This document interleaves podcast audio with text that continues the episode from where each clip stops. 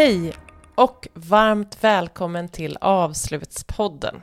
En podd om avslut, nästa steg och nya början med mig Fanny Bergström Buller. I Avslutspodden kommer du att få möta berättelser från människor som på olika sätt har avslutat saker. Frivilligt likväl som ofrivilligt.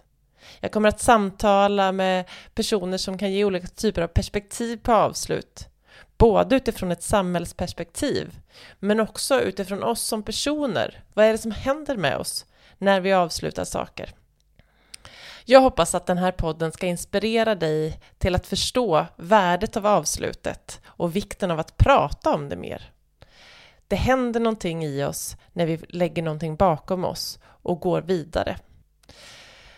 I detta allra första poddavsnitt så kommer du att få träffa entreprenören och kommunikatören Miku Maria Gustavsson som för ett antal år sedan stod på många scener och föreläste om sociala medier och den nya formen av kommunikation som då rullade ut i, i alla former av kanaler. Men efter några år så försvann Maria inte från världen givetvis, men, men från kanske vår blickfång. Jag blir nyfiken på vad som hände i den resan. Vad gjorde att Maria tog steget bak, backade ut från, från scenen och vad var det som hände innan det beslutet togs?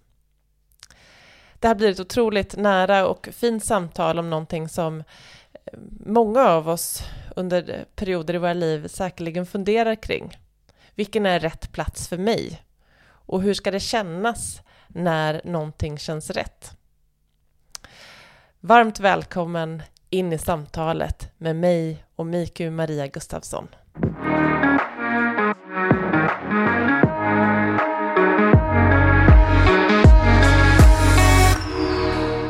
Och då säger jag välkommen till dig, Maria Gustafsson. Välkommen Tack, till ja, avslutspodden. Nej, vi bara... jag tänkte säga tack. Miku Maria kan du ju säga om du är bekväm med det. Absolut.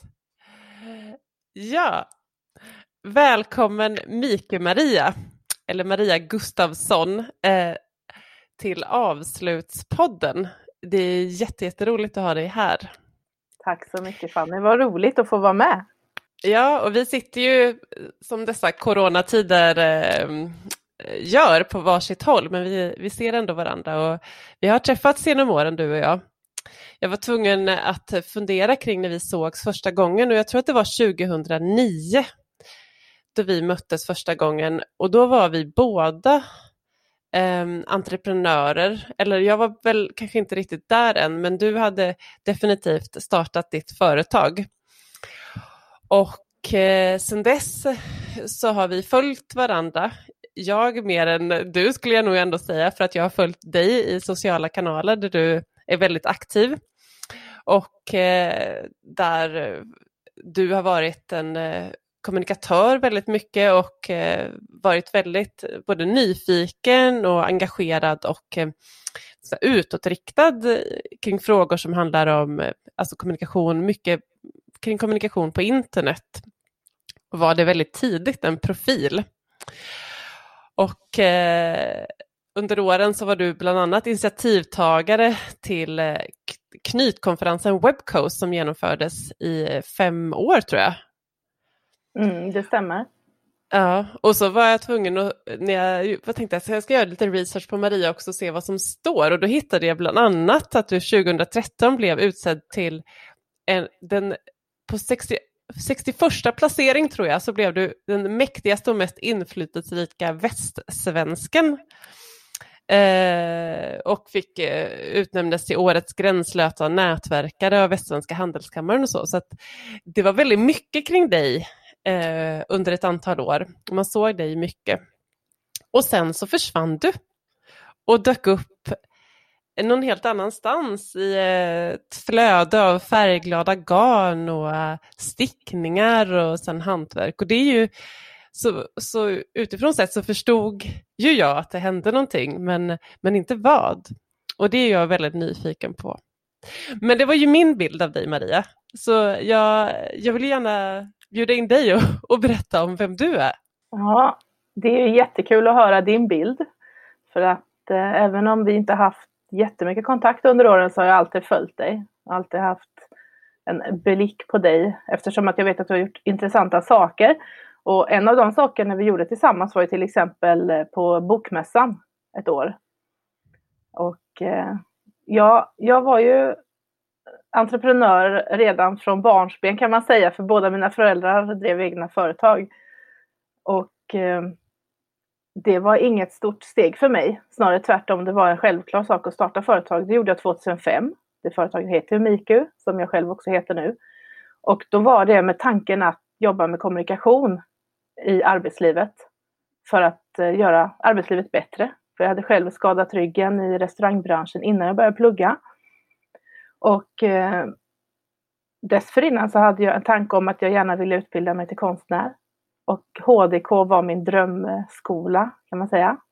Så jag tänkte att någon gång skulle jag vilja gå där. Men så hade jag vänner som pluggade som hade små barn. Och jag såg hur tufft det var för dem. Så därför ville jag inte det. Så jag ville jobba medan barnen var små och sen eh, plugga senare. Men det ena ledde till det andra som det ofta gör. Och jag skadade min rygg och när jag då hade så mycket tid att tänka så kom jag på att kommunikation är ju någonting man kan påverka livet med. Och därför fokuserade jag alltid på kommunikation oavsett vad jag läste. Så det var pedagogik och hälsopromotion och psykologi. Och sen kommunikation i Göteborg. Och sen också konfliktlösning. Och där inom Veva så träffades vi. Och jag hade startat mitt företag, jobbade med kommunikation. Gjorde det jag verkligen ville. Jobbade som konsult och som lärare. Och eh, hittade sociala medier som jag tyckte var så spännande. För att då kunde jag träffa många som hade samma intresse som mig just i att jobba med kommunikation på olika sätt. Och Vilket år berätta. var det här? Det här var 2008. Just det. Var det, De... var det 2000, nej 2006 var det Facebook startade va? Så det var ändå så ja, supertidigt. Precis. Och i Sverige mm. gick ju de flesta med i Facebook 2007 och även jag då. Och eh, LinkedIn fick jag en inbjudan till av en, en person som jag jobbar med som, som hörde att jag hade sagt Facebook i något samtal. Och så, då förstår jag att du vet.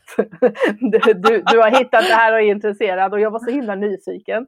Och det är jag ju fortfarande.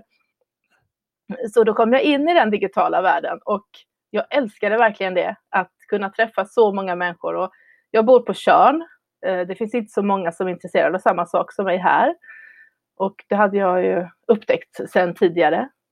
Eh, så att för mig var det ju som att öppna en dörr in till ett universum som fanns eh, liksom fyllt med människor som var intresserade, nyfikna, engagerade, gjorde bloggar.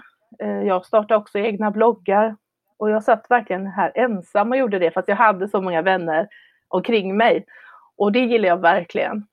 Så, att, så fort någon la ut en, en på en blogg att han skulle träffas i, på en ö utanför Blekinge så hoppade jag på det, jag åkte dit.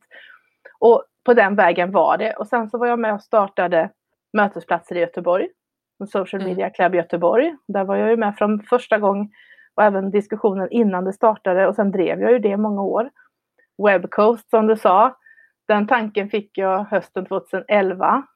Eh, och sen så körde vi det då i, eh, eller 2010 körde vi det i, i sex år, fanns hela organisationen sen. Och eh, vi gjorde det fem år i rad. En hel helg på Lindholmen, på plats i Göteborg då. Och det mm. var ju helt magiskt. Alltså, att få vara med om det, att gå från en idé till att jobba tillsammans med en grupp som verkligen tror på någonting. Människor som också är intresserade, engagerade, vill hjälpa till. Och vi gjorde ju alltid ideellt och allt volontärt. Och det, vi, vi ville ha det så. Att det skulle vara helt öppet och att vi skulle dela kunskap och så. Alltså det här var ju eh, någonting som har förändrat mig för hela mitt liv. Det gjorde någonting med mig att jag, jag märkte att det här det går faktiskt att genomföra sin idé. Och när man gör det tillsammans med andra, man har intresset är det gemensamma kan man säga. Det är någonting som har följt mig efter, efter Webcoast också, att man kan nästan göra vad som helst tillsammans om man har ett gemensamt intresse. Men har man inte det, då har ju var och en sitt eget intresse och då, då, eh, då finns inte den kraften där på något sätt. Och som du sa där så fanns det också en punkt eh, när jag valde att göra något annat. Och från den här världen med mycket engagemang eh, och jag drev ju även andra mötesplatser på plats. Geek Meetup Göteborg jobbar jag med, också ideellt. Jag startade en pratpromenad där vi pratade och när vi gick, istället för alla satt ju framför sina datorer och jobbade, så pratade vi om nördiga saker när vi var ute och gick. Vi upptäckte staden och liknande. Men när jag hade gjort det här så mycket vid sidan av mitt arbete då, som också var med digitala medier och sociala medier och webb och utveckling. Så på något sätt så, ja både jag och eh, det digitala landskapet, eller man kan säga, förändrades över de här åren. Och när man ser tillbaka, det var ju bara fem sex år. Men det var otroligt snabb utveckling av det digitala. Det blev från någonting som entusiaster gjorde och som människor som jobbar för demokrati gjorde för att sprida eh, kunskaper och nyheter och information till att det blev någonting som man gjorde för att sälja. Eh, man kanske pratade om det som att man delade och att man ville ha engagemang och ha konvers eh, konversation med sina följare. Men egentligen så handlade det bara om att sälja, eller det var min bild av det. Att det gick väldigt snabbt från ett del, eh, delaktighetsverktyg, om man säger så, Um, till att bli eh, väldigt affärsinriktat. Mm. Och där, där, kände jag att då handlade det mycket om att räkna. Man räknade likes, följare, hur många som har möjlighet att se det här, räckvidd och annat. Och, och där någonstans så, så börjar jag få tvivel om, är det det här jag vill ägna mig åt? Um, jag märkte också att de som kom på Social Media Clubs, vi hade ju månadsträffar varje månad. Vi är otroligt många människor som kom. De var mer och mer intresserade av att få någonting eh, inte av att ge så mycket. Alltså det fanns en strömning i, en liksom, om man säger en trendspaning, så det var, det var en slags tendens som jag märkte, som jag inte gillade. Som jag tänkte så här, men vem är jag i det här? Ehm, jag var så uppskattad och jag uppskattade det vi gjorde och det jag gjorde. Men jag märkte att jag höll på att bli en annan slags person som jag inte ville vara. Men när det snurrade på snabbt, jag jobbar ju vid sidan av det här i mitt företag och jag reste mycket. Och jag märkte att det tog ju mycket kraft att vara en konsult som reser. I början är det spännande och man känner sig på gång och nu har jag pluggat så länge, jag har tränat så mycket för det här. Nu är jag igång och jag kände att jag gör nytta, jag lyckas. Det är hit jag vill komma. Men sen när jag väl kom igång i mitt arbetsliv så kände jag inte att det var riktigt rätt för mig. Även om jag lyckades, om man säger så. Mm. så jag, kan ju, det, mm. jag kan ju bara lägga in, liksom, mm. eller jag, som reflektion, för jag kan mm. verkligen känna igen mig som entreprenör som eh, har liksom befunnit mig på den här resan också. Eh, och hur upplever du? För jag kan uppleva att det är väldigt svårt stundtals att liksom navigera eh, vad som är vad i alla de här processerna som pågår. När en känsla börjar smyga sig på så är det ibland svårt att liksom pinpointa och sätta fingret på vad handlar det egentligen om? För som entreprenör, jag tänker att skillnaden om man har en anställning så rullar nog, det här är ju min, jag har ju varit entreprenör i nio år så jag hittar ju på det här. jag tänker mig att det, liksom, det finns en, en, eh, en stabilitet som gör att man kanske inte reflekterar kring de här frågorna. Vad ska jag göra? lika mycket. För att som entreprenör så handlar det hela tiden om nästa kund, nästa uppdrag. Eh, och det jag kunnat se själv liksom i stundtals, att man firar vinsterna, yes, liksom, mm. jag fick det där roliga uppdraget och så börjar man och så, ah, så gick all liksom energi ur. Det blev inte det man hade man ville, man hade liksom en intention, kunden förstod inte riktigt vad man ville åstadkomma, man kommunicerade kanske inte riktigt eh, på rätt sätt eller så vidare. Och, så, eh, och jag kan känna att det där det äter lite på en efterhand. Och till ja. slut så kan man komma till en punkt där det blir tydligt, men innan dess, det är lite, hur upplevde du det?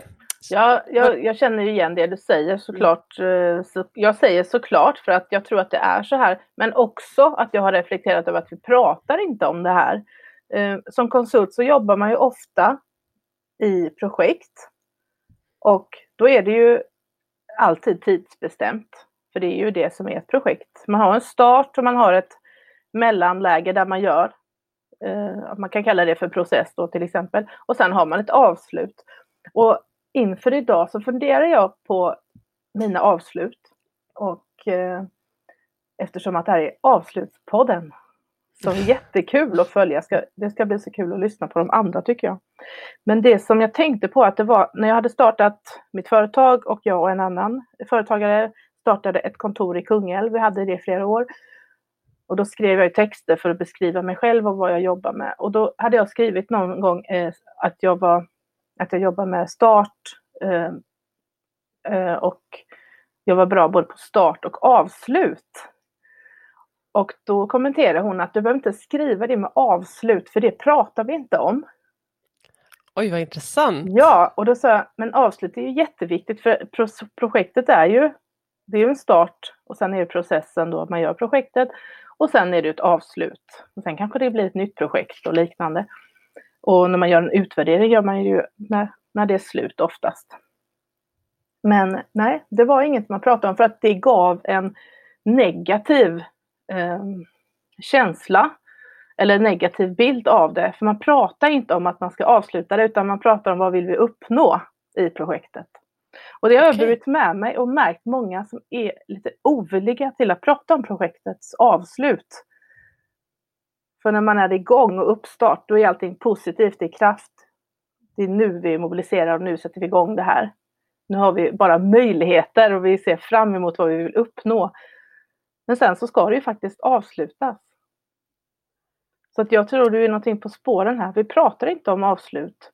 För det låter som att man nästan, det är nästan som att man kommer närmare avslutet om man pratar om avslutet. Ja. Istället för att diskutera hur ska vi göra när vi ska avsluta. Och jag har varit med om att jag har haft projektuppdrag som har varit superintensiva. Men mitt uppdrag har slutat samma dag som till exempel ett event då. När, när eventets sista dag är, då upphör mitt uppdrag. Så att mm. på något sätt så det är inte alltid man är intresserad av de här utvärderingarna för att lära sig inför nästa projekt till exempel. Även om man ofta pratar om det. Det där är jätteintressant. Eh, för att jag tänker, för när jag har reflekterat kring avslut så, så inser man ju att någonstans så är ju avslutet väldigt mycket, det är ju slutet på någonting och början på någonting annat. Och att leva eh, livet med, med, avslut utan att liksom ta lärdom från det som vad hände innan, det gör ju att man blir en väldigt fragmenterad människa, tänker jag. Att man rör sig um, att man inte liksom eh, på något sätt grundar kunskapen i sig själv. Det kan ju vara så, men det kan ju också vara att det finns inte utrymme för det. Det, har inte av, det sätts inte av resurser till eh, av, ordentliga avslut och utvärderingar där man lär, lär sig av det. Jag tänkte på det som du sa om man är anställd. Nu har inte jag heller varit det så mycket i mitt liv. Eh, men det jag märker, eller jag kan tänka och jag märker hos vänner också när de eh, liksom är färdiga med en arbetsplats och inte trivs, då kan de ju byta till en annan arbetsplats. De kan ju söka ett nytt jobb som anställd. Att det är mer så. Men man har tryggheten under tiden. Så mycket trygghet man nu kan ha, tänker jag. Exakt. Jag tänker ni avslutade ju, ett första avslut som du gjorde som ju var ganska, tänker jag ändå, stort, det var ju att du avslutade Webcoast. Det var ju en den här superpopulära konferensen som verkligen revolutionerade eh, kommunikations och teknik-Sverige skulle jag säga en hel del och var ett annat grepp och som du sa, ni, ni drev allt arbete ideellt. Um, och sen efter fem år så bestämde ni som jobbade med det och jag vet inte om det var du eh, som liksom var i första ledet eller vad man säger, som, eh, som bestämde att det var sista gången det skulle genomföras. Hur hände det? Vad var... Det var, det var ju dels det här som jag sa med en, en förändring i hur människor använder eh, det, det, det, digitala, både webbutvecklare och användare. Det var ju de målgrupperna vi hade och ofta går de ju tillsammans också, men användare och utvecklare av webben samlades på Webcoast som var en knytkonferens då. Och träffades på plats och alla som var med fick prata. Det var ju det som var knytkonferens. Ordet knytkonferens, Eh, det myntades på vår första konferens, första kväll. Där det var en som sa, vad är det här för konstigt ställe? Det finns ingen färdig agenda och inga inbjudna talare, utan alla sätter eh, agendan själva tillsammans. Och det gjorde vi också väldigt praktiskt på plats. Eh, och då sa han det är som en knut, ett, knut, knutkalas knytkalas och en konferens. Knytkonferens. Och det tog sig sedan in i Svenska Akademins ordlista. Det var ju häftigt.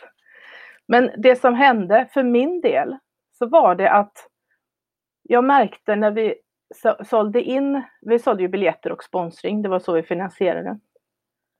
Att eh, man ville till exempel helst inte komma på helgen. Vi hade ju den på helgen.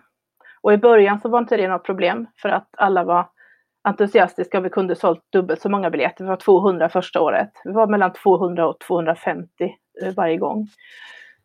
Eh, man ville ha det på arbetstid för att man ville ha det som en del av sitt arbete. Eh, de första åren var det ju entusiastiska, om man, om man kan säga så, mer amatörer. Alltså det, beror, det berodde inte på vad man jobbar med. En del jobbade såklart med kommunikation och webb och teknik, andra gjorde inte det. de var intresserade och nyfikna det upplevde jag mattades väldigt mycket. Eh, om man tänker tillbaks till den här tiden så det hände väldigt mycket snabbt. Vi blev vana vid att ha Facebook som en del av vår vardag. Allt fler, det var inte alls bara några nördar eller ungdomar eller så som hade det. Utan det blev en del av vår vardag och det har, blivit, det har gått väldigt snabbt. Och det, har också, det tror jag också har gjort att vi, vi är tröttare generellt. Eh, så att vill man ha en utveckling för att man använder den i jobbet, då vill man också gå på arbetstid till exempel. Och det var den responsen jag fick av väldigt många människor jag pratade med. Åh, jag vill jättegärna gå, men kan inte lägga det på arbetstid.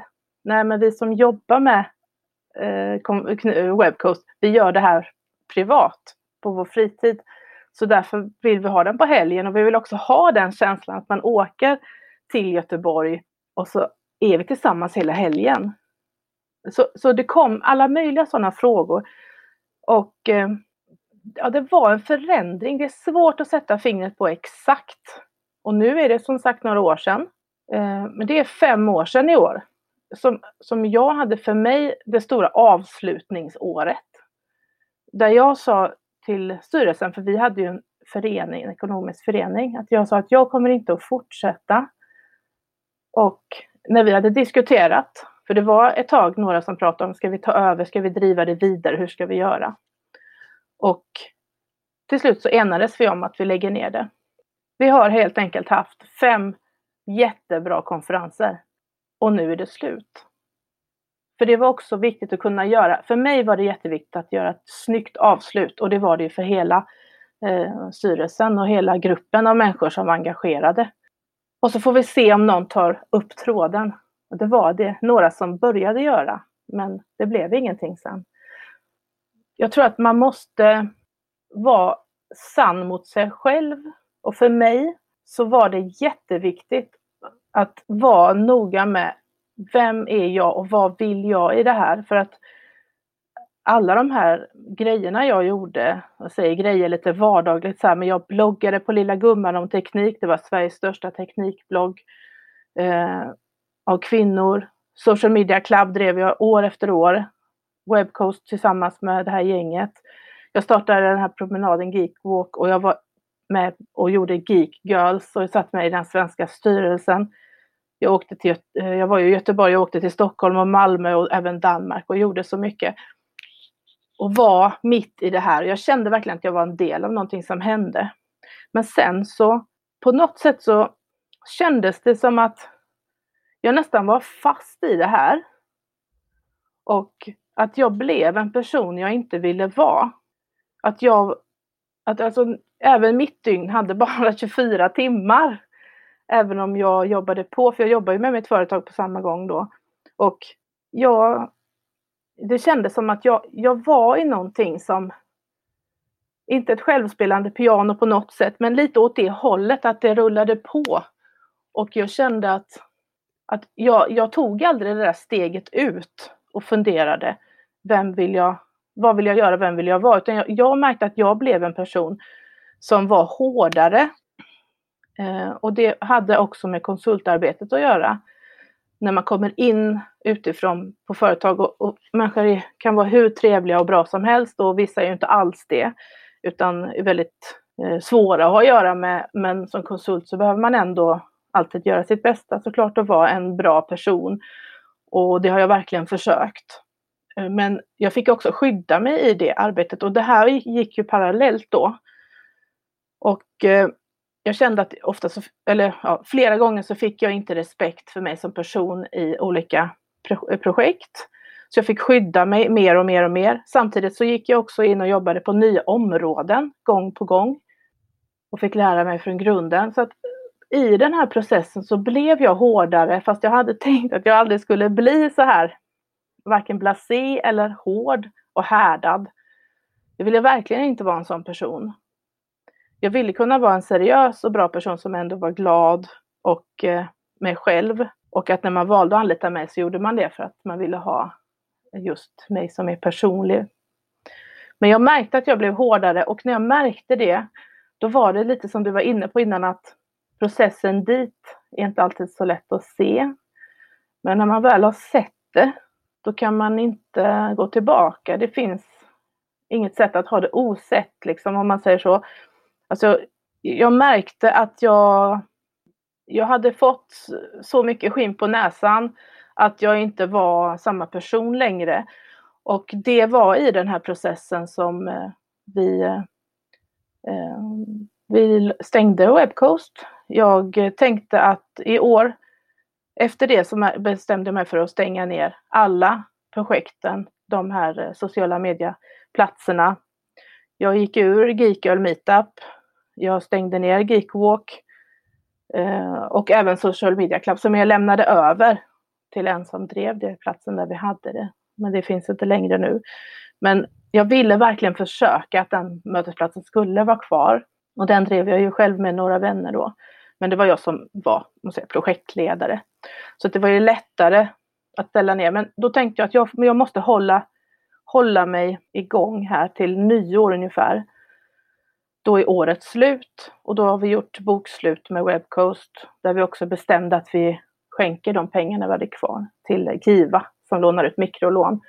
Och då var det färdigt. Ehm, då har vi gjort alla arrangemang så att det här ska bli så bra som möjligt. Att allting finns kvar.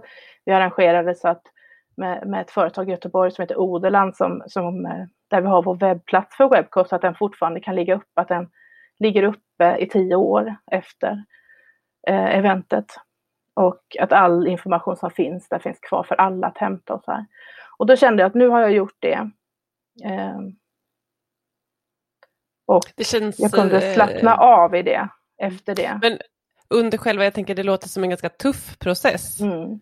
Som att det var, för du att du också var, även om du hade, som du beskriver, människor runt dig, så var det på något sätt lite dem du behövde göra slut med också i den liksom mer professionella samarbetsbiten, inte som vänner gissar jag, men mm. att jag tänker, eh, fick du liksom det här med att säga att nu eh, lägger jag ner det här, nu slutar jag.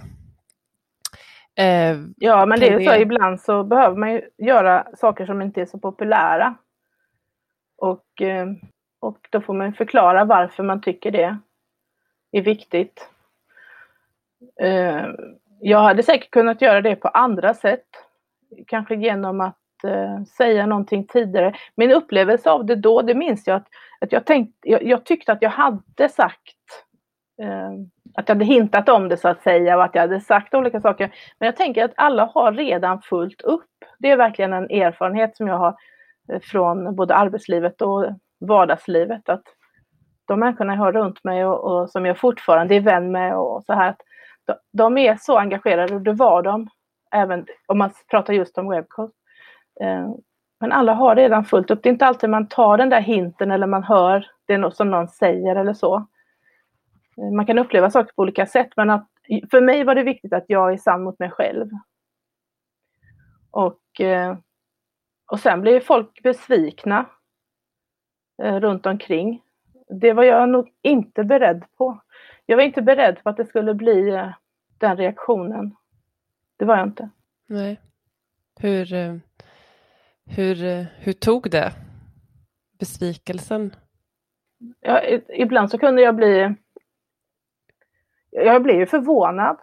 Eh, sen så sa jag, men det här som vi har gjort, vi har lämnat så mycket information. Och jag, jag tänker på till exempel eh, mötesplatsen Social Media Club, som, där vi sågs varje månad, sista fredagen varje månad. Det var många som hade det insatt i sina kalendrar.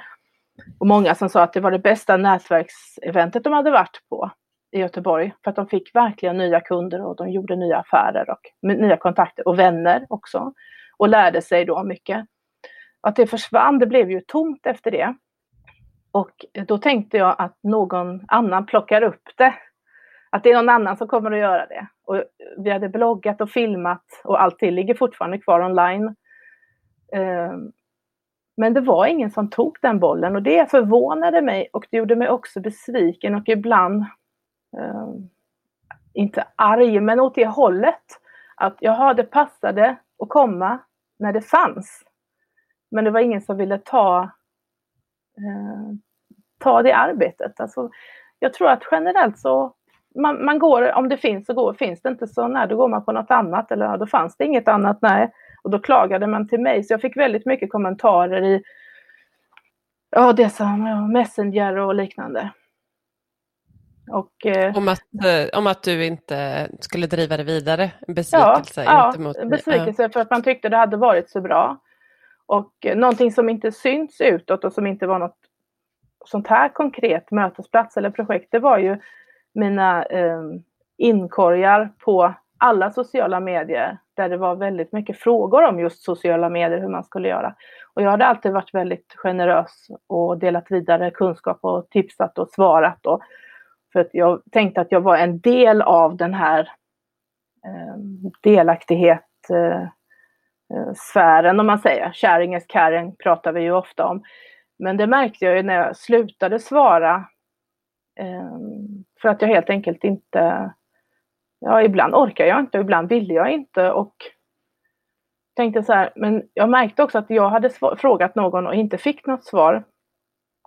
Ehm, då tänkte jag, jaha, Tänk vad mycket jag svarar här i varenda kanal och så började jag sluta svara och så svarar jag liknande att ja, jag har, upp, jag har utrymme för ett uppdrag eller så. Ja, då var det inte intressant. Då tänkte jag så här, jaha, jag har blivit en sån person som folk hör av sig till och som glatt svarar eller delar med sig av min kunskap som jag hade pluggat mig till och jobbat mig till. Och då tänkte jag, nej men det var också i det här att jag märkte att jag blir en person jag inte vill vara. Jag vill inte vara en som blir irriterad över att få frågor utan jag får verkligen fundera över vem jag vill vara. Så det är klart att det var tufft. Jag på något sätt så fick jag bara Ja, jag fick liksom hålla mig uppe där det året. Så, så vet mm. jag att jag tänkte. Ja, jag jobbar ju också på samtidigt med mina kunder och olika projekt och så. Mm. Ja, det kan jag själv uppleva som en ganska tuff process att, eh, att man tar det beslutet. Det är givetvis att de eh, uppdrag som man tycker om och de människor som känns roligt att jobba med, då är det lätt. Då är det, då är det ju någonting som man gärna gör och som mm. kanske får en att tänka på något annat och rikta sitt fokus liksom på en annan sak. Men när, när man känner att det är tungt och tungrott, då blir det, då blir det tufft när man liksom bär allt det här också eh, inom sig och som man inte riktigt kan berätta eftersom man ju också är en konsult då i, i det fallet. Så, så, alltså, jag har eh, många gånger i mitt entreprenörsliv verkligen liksom tänkt det där eh, att uh, fake it till you make it och det har varit mm. ett uh, någonting som jag har liksom peppat mig själv med mm. ibland när det var tufft. Men jag kände det väldigt tydligt när liksom det kom till den punkten där jag kände att jag behöver göra avslut, att fasen, jag orkar verkligen inte med det mer nu. Nu har jag gjort den där resan. Och, så det är verkligen så lite var tid har sin, sin sak. Att, eh, att starta något och eh, prat, liksom entusiastiskt få folk att hoppa på och vara mm. med. Det är en sak, men att lägga ner någonting och samtidigt vara en eh, engagerande person, det är inte så enkelt. Nej, och det är, jag känner ju det när vi pratar om det, att, att jag, jag känner samma sak som, som då, det är väl typiskt kanske för mig som person också, att eh, jag vill ju inte beklaga mig. Och det vill jag inte då. Och det vill jag inte nu heller. Och jag vill definitivt inte klaga på någon annan. Utan det här var ju, alltså själva det här med att vara med i uppväxten av sociala medier är ju någonting som, det är ju en fantastisk upplevelse. Det är ju någonting jag, som har format mig och som har gett mig så otroligt många vänner som jag fortfarande har. Och samma sak med Webcoast till exempel. Det är ju som, nästan som ett barn att det är typiskt kvinnligt att säga så, ska man inte säga så, men det projektet har verkligen format mig och möjligheten att faktiskt göra verklighet av en tanke. Och jag vet, jag tänkte det, att det var, jag kommer precis ihåg hur jag fick tanken och att jag tänkte att vi gör det här för Göteborg. Jag bodde i Göteborg då och jag upplevde att när jag var ute och reste till konferenser om webb och, och så, att de brukar säga hej Göteborg till mig, för det var inte så många som var från Göteborg som reste på konferenserna. Man tyckte att man hade det man behövde i Göteborg och det fanns en sån anda också att eh, vi behöver inget mer än det vi har, utan vi kan det vi behöver kunna och liknande. Det var en traditionell kommunikationsbransch som jag gick in i, men det var inte en traditionell jag gick ur då. Och det var någonting som jag var med i, mitt i det. Och det gör att det tar väldigt mycket på något sätt tar kraft och så såklart, men det, det, är också så här att det tar mycket tid att fatta vad man har varit med om. Och det kan man inte. Det är som att man går in i ett, eh, eh, ett flygplan och så, så går man ur flygplanet och man har rest otroligt långt men själva en själv som människa har inte fattat det riktigt utan det tar ett tag innan man har landat. Och jag märkte att jag måste ta tid till mig själv att landa. Och alldeles innan detta så hade jag hittat en annan eh, i webbvärlden eh, som stickade och gick på stickträffar. Och det hade jag ju gjort förr för länge sedan. Stickat och höll på och sytt och så. Det kände jag absolut inte alls för att göra. Eh, de här senaste åren hade jag ju haft till kreativiteten i, i webben och att jag hade byggt blogg efter blogg och jag startade podd och filmade och, och livestreamade. det var otroligt kreativt och, och, jag lärde mig så otroligt mycket och bara, ja, det var nytt och nytt och alltså det var ju en slags nybörjarkänsla, nybyggar eh, menar jag, nybörjarbyggarkänsla. Och när jag såg att hon hade varit och stickat, jag såg det på Instagram, och så frågade jag hur hon gjorde. Och då sa hon, kom på en stickträff, men du måste ha en stickning med dig. Och då hade jag faktiskt en, någon halsduksstickning i, i en låda, så jag tänkte, det har jag, jag kan gå ta med mig den. Och hon jobbar själv som programmerare. Så jag kände mig att jag var i ett bra sammanhang. Och eh, då hade jag Eh, för första gången på jättelänge någonting som jag, jag stickade på den här halsduken och såg att jag hade gjort något. För innan dess, år efter år efter år, jag jobbade så otroligt mycket. Men jag såg ingenting. Om jag höll fram mina händer eller jag hade stängt av datorerna här, så såg jag ingen skillnad. Jag visste att det jag gjorde gjorde skillnad. Men det syntes inte. Och för mig så blev det en aha-upplevelse.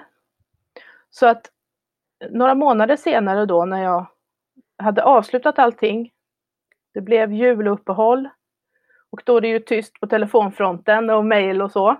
Då tänkte jag, jag går och köper garn och så ska jag sitta och sticka. Och då gjorde jag det.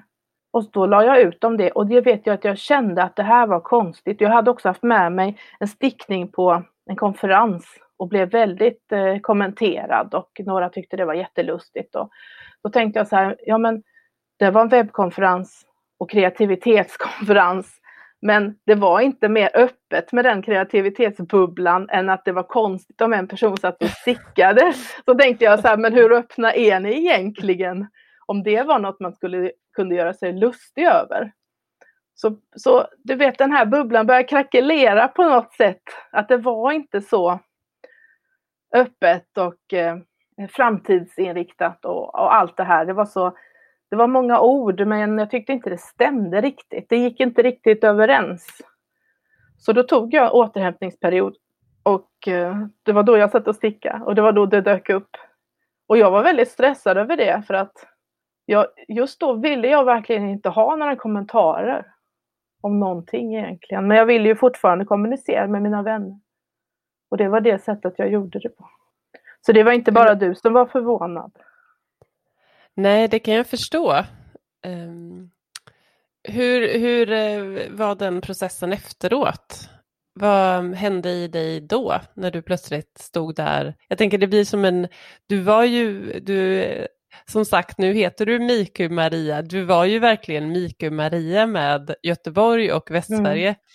och säkert utanför också men mm.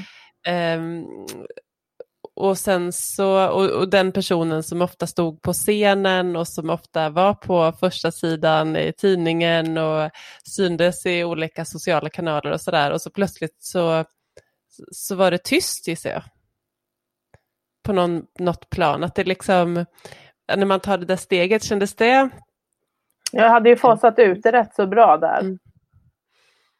Um, ja, det var skönt.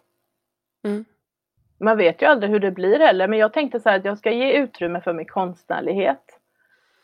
Och alltså, alltså, som jag minns det så kommer jag bara ihåg att, att jag satt och stickade um, på fritiden och på dagarna. När jag, då hade jag ju mycket tid.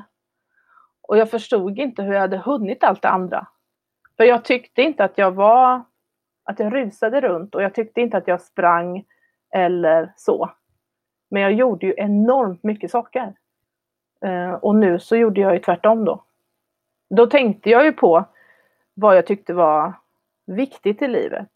Och att det är viktigt att kunna säga nej om man känner att det är fel. Och att, och att jag inte ville vara i en position där jag inte fick riktigt plats med hela mig själv. Um, Någonting sånt, alltså det här med konstnärligheten, det var ju så litet, så litet, så litet i mig så att det var ju nästan någonting som jag tänkte att det blir inget i mitt liv utan det var något jag hade tänkt att jag ville göra.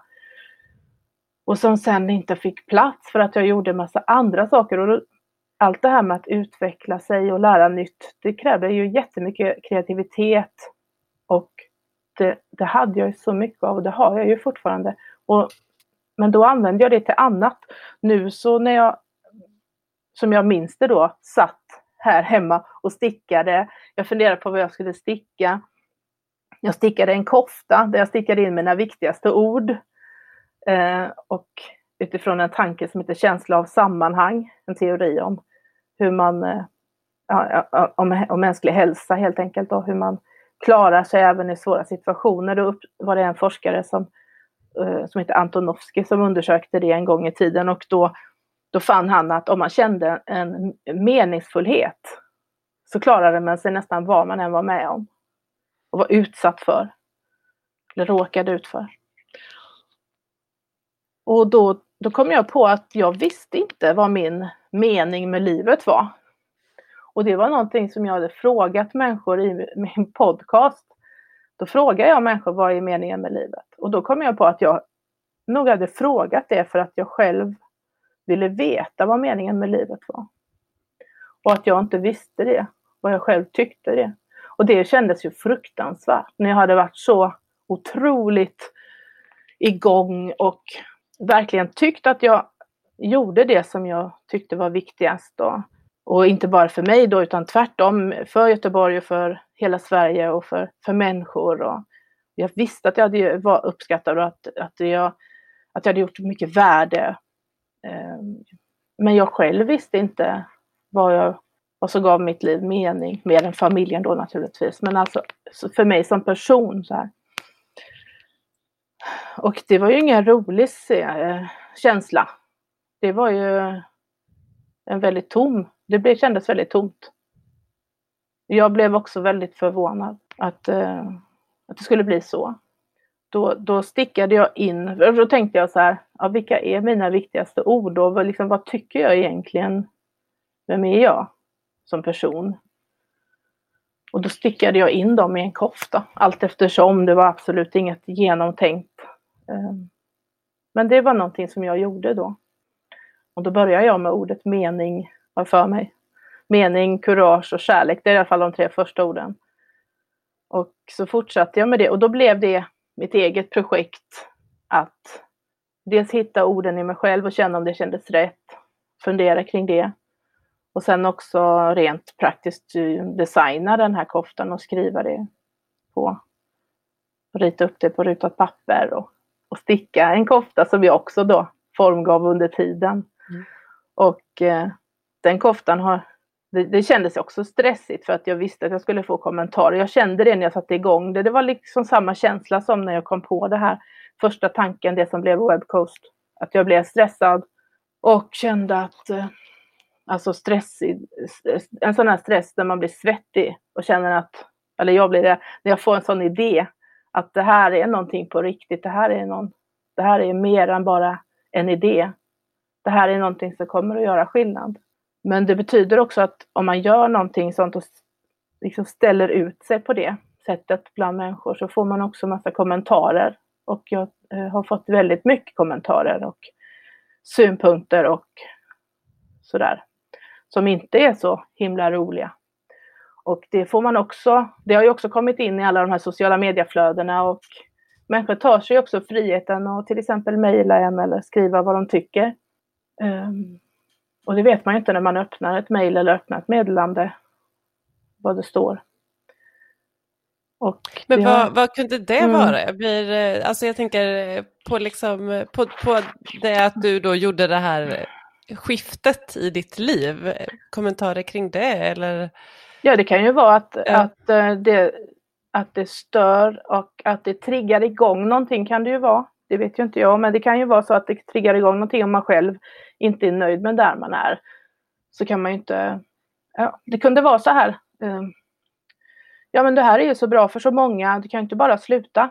Nej, men varsågod och ta över då. Nej, det, det, det skulle de ju inte, men, eh, men någon, någon annan ska göra det.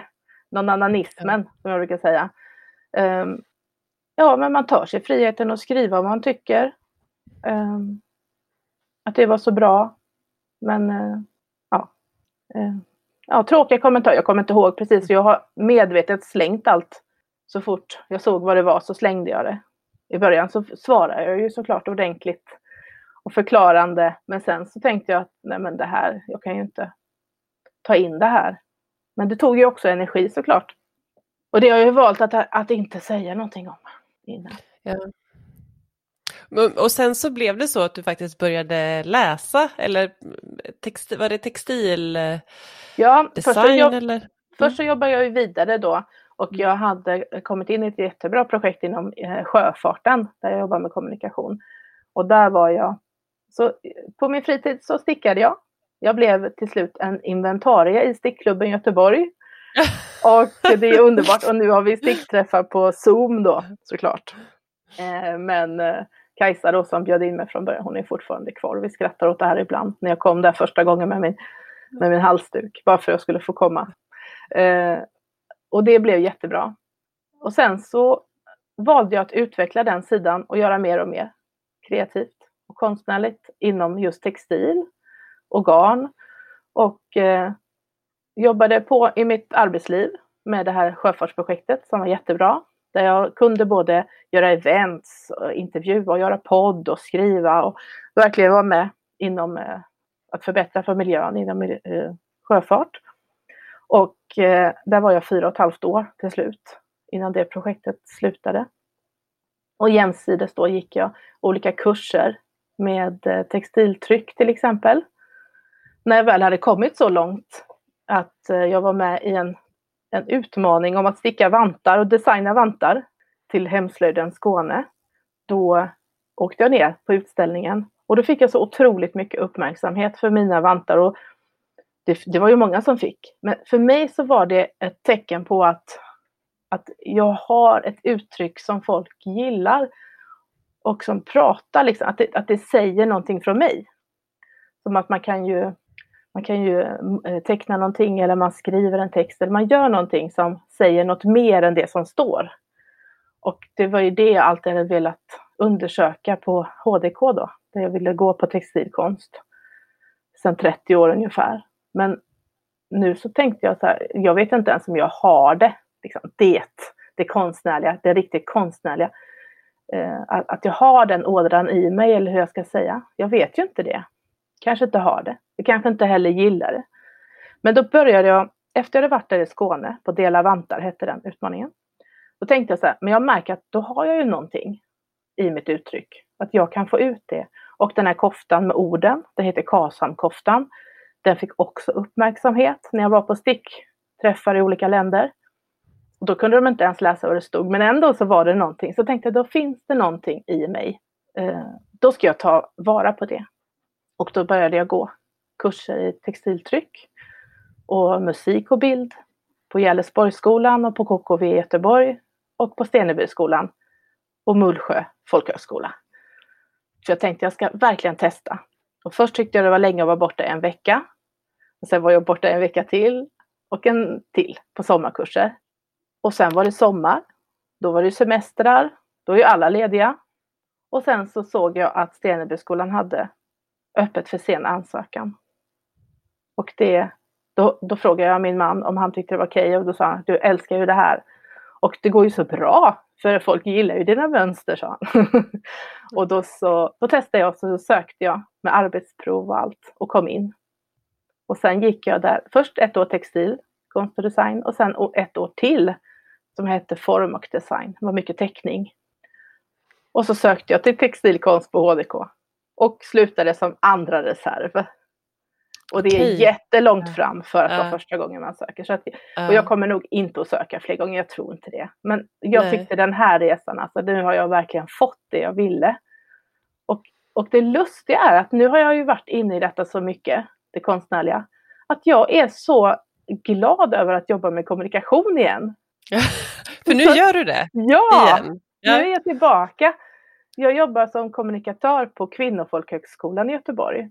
Och jag var väldigt eh, fundersam om det var verkligen var dit jag skulle tillbaka för att det kändes lite som ett steg tillbaka. Samtidigt så känner jag tvärtom nu. Att det här kan jag. Det här tycker jag om. Jag gör det för att göra allt det bästa för en skola, en folkhögskola, som är jättebra. Och nu har jag, jag vet varför jag slutar med det andra. Och nu så väljer jag att fortsätta med det här. Och så kan jag alltid göra det textila. Och teckna kan jag alltid göra. Ja. Jag tycker din, eh, och jag måste bara säga det, ja. rakt på det, det verkligen vräker ner snö här utanför fönstret. Därför jag sitter och tittar lite åt sidan för det snöar Va? hur mycket som helst. ja. Snö? Här på Tjörn är det sol och klart och helt Ja, det är nog nej, dessvärre men... Göteborgs snö så den kommer nog inte Åh, att ligga kvar. Nej, men... det tror inte jag heller. Men vad lustigt. nej, men jag mm. måste säga att uh, jag tycker att det är din uh, berättelse är så fin Maria för att jag tycker att den inspirerar. Jag tänker du har gjort det, om man bara tittar på ditt liksom, yrkesliv som det som vi har pratat om nu så mm. har du ju gjort liksom, flera avslut. Du mm. började i restaurangbranschen och sen så valde du att studera till någonting helt annat som hade med kommunikation att göra. Du mm. startade företag, du har liksom startat många koncept som sen också har avslutats.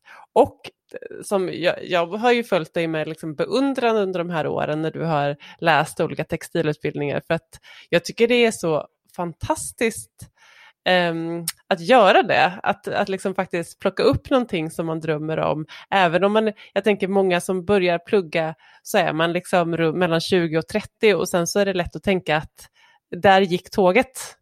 Nu, ja men så tänkte jag ju också. Jag tänkte ju det att det blev inte det här. Nej, då blev det inte det. Och så när jag väl var, kom in på Steneby, för jag gjorde ju de här testerna som alla gör och arbetsprov och så kom jag in där och jag trodde ju att det skulle vara blandade åldrar. För när jag pluggade på universitetet då var det blandade åldrar. Det var från gymnasiet upp till typ pensionsåldern. Och så kom jag in och så är de andra runt 20 år. Jag blev så förvånad. Så jag har ju gått i, mm. i klasser som sist, sista året, då var jag 50, jag är 54 nu när vi slutar, jag var 54. Och nästa hack ner, det var Klara, Klara som är 24. Och sen var de andra runt 20. Men jag är ju vänner från, för livet i den klassen. Ja, det, det, jag tycker det är helt fantastiskt och jag tänker ja. att eh, det är lätt mm. för oss i samhället att prata om, vi, vi vill gärna prata om mm. saker som livslångt lärande och så, men mm. det, det krävs, eh, jag tänker att det krävs lite avslut också, för att, både för att vi ska lära oss lite grann också det här som du säger, nu kommer ju du tillbaka in i kommunikationsvärlden, mm. men jag tänker att eh, du har lärt dig otroligt mycket sen sist.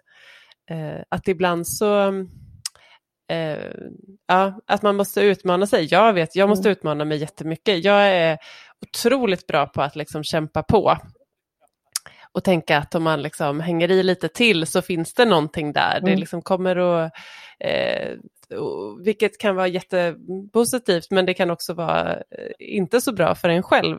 För det är lätt att missa precis det som du beskriver. Ehm. Men Jag tror att det är en bra egenskap för det har jag ju verkligen också gjort. Och att man inte heller ger upp så snabbt utan man, man eh, kämpar på men man får också känna efter och även lyssna på sina tankar. Och man känner så här, nej, Alltså det här, nej, man, då behöver man stanna upp eh, beroende på vad man säger till sig själv eller hur det känns då. Att man kanske blir för, för sliten eller för trött eller man tänker så här, nej, är det värt det? Eller att man förstår att andra har slutat som har varit på samma plats. Jag ska mm. säga det med skolan, också på Stenebyskolan nu när jag gick där, att det var ju inte enkelt. Jag kände mig ju ofta väldigt ensam, även om jag hade härliga vänner i skolan och eh, startade ett hantverkscafé såklart med en annan student. Så vi hade 44 träffar på tre terminer och eh, samma koncept som Social Media Club ungefär, fast med hantverk. Ja. Det är svårt att ta ut, ta ut entreprenören ur en entreprenör. Ja, det, det ja, man behöver ju, ja, och det behövdes en sån plats. Så då löste vi det.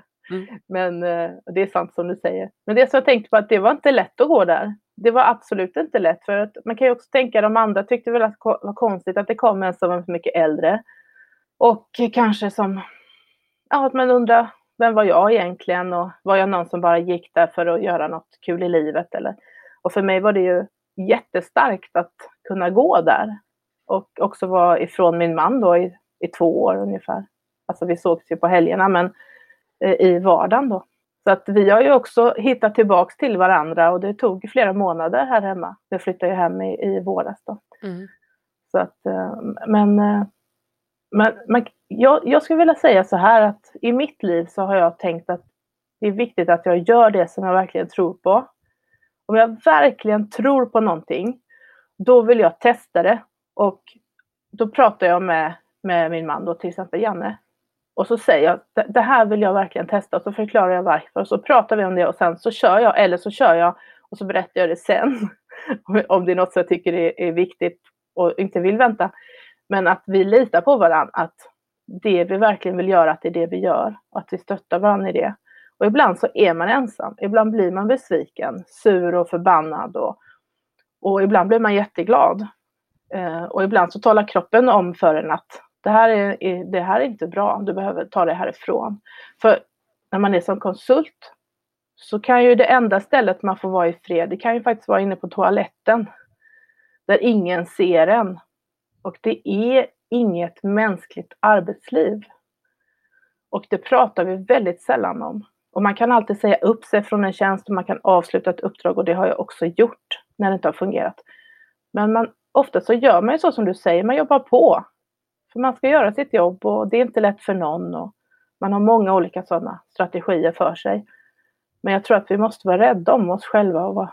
Jag tänker att jag ska vara rädd om mig själv nu och vara snäll mot mig själv. Och att jag alltid kan fortsätta med det konstnärliga. Mm. Men att det, inte måste vara mitt hela hundraprocentiga yrke. En avslutande fråga. Har du, apropå avslut just, vad, har du någonting som du eh, tänker att du ska avsluta under det närmsta året? Ja, det vet jag. Jag ska avsluta att packa upp i massa lådor här hemma för att jag har så många högar eh, med saker som jag har flyttat runt under flera år olika flyttar till och från Göteborg, till och från Dalsland. Och nu ska det upp och rensas och ges bort eller slängas en gång för alla. Så när det blir nyår, då ska det vara klart. Det låter jätteskönt. Det är något avslut ja. som, eh, som många, många behöver. Ja, det är inget jag prioriterat mm. någon gång. Så jag tänkte det gör inget, jag kan ta det sen till ja. sommar. Men då vill man vara ute och bada istället. Så mm. nu ska det bli klart. Om man vill komma i kontakt med dig eller följa dig och följa vad du hittar på framöver, var hittar man dig bäst? Jag skulle säga Instagram och då heter jag Miku Maria, M-I-K-U Maria i ett ord. Och jag har öppen profil så det är bara att, att följa mig. Och så får man ju gärna skriva en hälsning att man har lyssnat på avslutspodden. Och eh, kanske har någon tanke man vill mm. diskutera eller tipsa om någonting. Jag är jätteglad att ha ha det här samtalet med dig Maria. Det känns jättefint och jag tänker att eh, det känns viktigt för många och det känns viktigt för mig. Och jag tror verkligen att vi behöver bli bättre precis på det du har gjort. Att lära oss att avsluta saker och ta nästa steg in i någonting nytt. Tack så jättemycket för att du var med. Tack så mycket. Tack för att du var med mig i det här poddavsnittet. Jag hoppas såklart att du kommer fortsätta att följa Avslutspodden även framöver för att ta del av ytterligare berättelser om avslut, nästa steg och nya början. Så gå in och följ podden i den poddläsare som du använder dig av. Och följ gärna också podden på Facebook och på Instagram där du hittar den under Avslutspodden. Med detta vill jag också tacka Daniel Buller som står för redigering av podden eh, och som gör allt detta på kvällen efter barnen somnat. Och så Henrik Alser som producerat musiken till podden. Musiken som är hämtad från Epidemic Sound. Tack och vi hörs i nästa avsnitt.